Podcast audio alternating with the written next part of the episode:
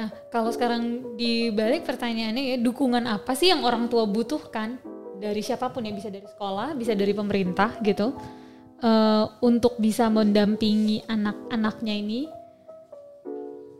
Menurut Mbak Tita itu apa Mbak? Sebagai orang tua gitu ya, apa yang ya mungkin pertama-tama empati gitu ya dari sekolah gitu dari negara gitu ya bahwa orang tua itu sudah punya PR-nya yang sangat banyak ketika pandemi menyerang gitu dan mereka harus harus hmm. melakukan penyesuaian yang serius terkait misalnya pekerjaan gitu kan uh, dan kemudian ditambahin tugas untuk mengawal anak-anak belajar dari rumah dan uh, empati bahwa load itu bertambah uh, dan jangan-jangan load guru itu berkurang meskipun guru juga orang tua dan barangkali mereka juga punya load tambahan di rumah masing-masing. Ya. Mungkin kayak sebenarnya ada empati berjamaah gitu ya bahwa ini struktur waktu dan kerja banyak orang tuh berubah gitu dengan pandemi. Uh, sehingga uh, kalau ada empati dan dan kesadaran bahwa uh, apa ada perubahan pola waktu yang jadi uh, menjadi orang itu punya kesibukan yang bervariasi gitu ya misalnya pagi itu ngurusin adik yang SD dulu gitu ya hmm. baru kemudian bisa WFH kayak gitu barangkali itu akan membantu guru melihat cara pandang orang tua ketika uh, mereka mencoba membangun sistem dukungan buat anak-anak yang belajar dari rumah. Ujung-ujungnya itu kan gini ya, ujung-ujungnya itu anak-anak itu sebaiknya A belajar sesuatu dan B uh, well-being atau kesentosaan dia itu terjaga sepanjang pandemi gitu kan. Hmm baru kemudian diturunkan menjadi kalau begitu kalau gitu harus belajar apa? Dan dengan cara bagaimana supaya kesentosaan itu tidak terganggu syukur-syukur karakternya terbangun gitu kan? Ya. Nah desain itu kayaknya agak lemah gitu. Sehingga satu-satunya yang nampak tuh malah justru itu tadi Nah, nilainya belum terkumpul. Kalau tugasmu nggak dikumpulin, nilaimu tidak akan lebih baik. Nanti rapotnya gimana? Nanti nggak naik kelas. Kalau yang SMA tambah lagi, rapotnya harus baik supaya nanti bisa dapat jalur undangan. Sebenarnya saya agak bingung dengan dengan penekanan pada hal itu gitu ya. ya. Yang sangat sama sekali sangat berbeda dengan misalnya surat edaran menteri tentang pendidikan pada masa pandemi. Jadi uh, kalau bahasa anak saya ini, saya kutip bahasa anak saya yang sudah SMA, uh, eh, pemerintah selalu mengatakan bahwa akan terjadi perubahan gitu ya. E, bahwa sekarang beda gitu pandemi beda atau hmm. e, menteri baru beda gitu kebijakan baru berubah. Namun mereka tidak melihat apa-apa yang berbeda di lapangan. Hmm. mereka bilang e, mana yang berubah? Mereka tuh menagih sebenarnya. Berubahnya di mana? Bahwa kami nggak dikejar-kejar nilai dan tugas. Padahal misalnya kami nyontek juga guru nggak peduli. Guru selalu bilang bahwa nilai itu nggak penting yang kejujuran itu penting tapi kalau ada temanku yang nggak jujur dan nilai bagus guruku nggak peduli. Dan kalau dapat nilai jelek dengan jujur guruku juga tetap kira-kira mengecam gitu loh. Jadi hmm. mereka agak bingung. Lalu dia bilang kalau misalnya pemerintah ngasih arahan tentang perubahan yang perlu diganti misalnya yuk pandemi belajarnya ganti yuk. Tolong kasih waktu berapa lama sih kami harus menunggu sebenarnya untuk melihat sesuatu terjadi di lapangan? Karena hmm. kita mikirnya perubahannya besok ternyata besok sama aja business as usual nothing happens at school kata mm -hmm. kata mereka jadi jadi jadi kayaknya tuh apa yeah. ya kita tuh kayaknya sebagai orang dewasa kan not doing a good job gitu dalam mengurusi anak-anak itu ya yeah. anak-anak juga punya punya suara gitu yang perlu didengarkan dan pengen pengen juga melihat sebetulnya dari dari kertas-kertas yang disebarkan gitu ya apa sih sebetulnya yang signifikan terjadi di lapangan dan uh, ya. Agak sedih sebetulnya ya. Ya. Sedih banget. Tapi saya, saya duga ini juga bias ke, kepribadian ya karena itu komplain dari anak-anak saya yang lebih besar.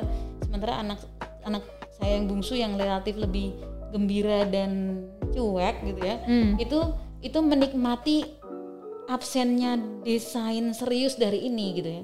Jadi kalau begitu break yang lebih sering breaknya daripada uh, ya? gitu ya dia main game hmm. gitu. Jadi dan main gamenya tuh menarik karena temennya tambah banyak. Dia berteman dengan orang dari Jogja dari sekolah lain dari jadi itu itu dinikmati dengan gembira cuma yeah. kan kita sebagai orang tua kita patut mencemaskan itu karena dalam keadaan ideal anak-anak tidak main game di pagi hari kan? Iya yeah, betul.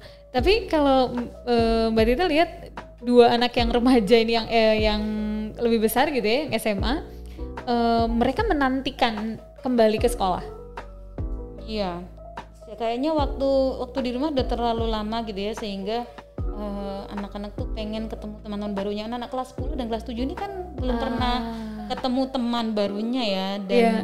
dan mereka mungkin menariknya adalah anak-anak saya tuh relatif introvert dan pemalu tapi periode kemarin periode belakangan ini membuat mereka berlatih gitu ya kenalannya dikit-dikit lewat zoom gitu kan. dan sekarang mereka siap untuk masuk gitu Jadi ada ada benefit juga nih untuk Iya, para anak-anak introvert gitu Iya, ya. jadi ada ada tahapan gitu kan menuju Gak langsung muka. jeger kena ketemu 100 orang baru gitu ya.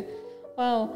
Oke, karena juga eh, banyak anak-anak yang aku ajak ngobrol gitu ya, ternyata mereka kayak mereka sedih eh, nggak bisa ketemu temennya, tapi mereka juga merasa kayak, aduh gue mau nggak ya, aku mau nggak ya ninggalin kenyamanan sekolah bisa bisa dari tempat tidur gitu. Iya. Itu juga itu juga eh, mereka juga mengkhawatirkan, aduh masuk lagi pakai seragam lagi ke sekolah lagi setiap hari gitu. Itu juga mereka punya kecemasan itu tuh ternyata gitu. Eh, sesama orang tua juga ngobrol dan memang respons anak bervariasi. Mm-mm, betul mbak. Nah, eh, ada kekhawatiran gak mbak yang muncul ketika sekolah harus balik lagi luring gitu? Ini kan kayaknya sebentar lagi menuju masa luring kembali ya.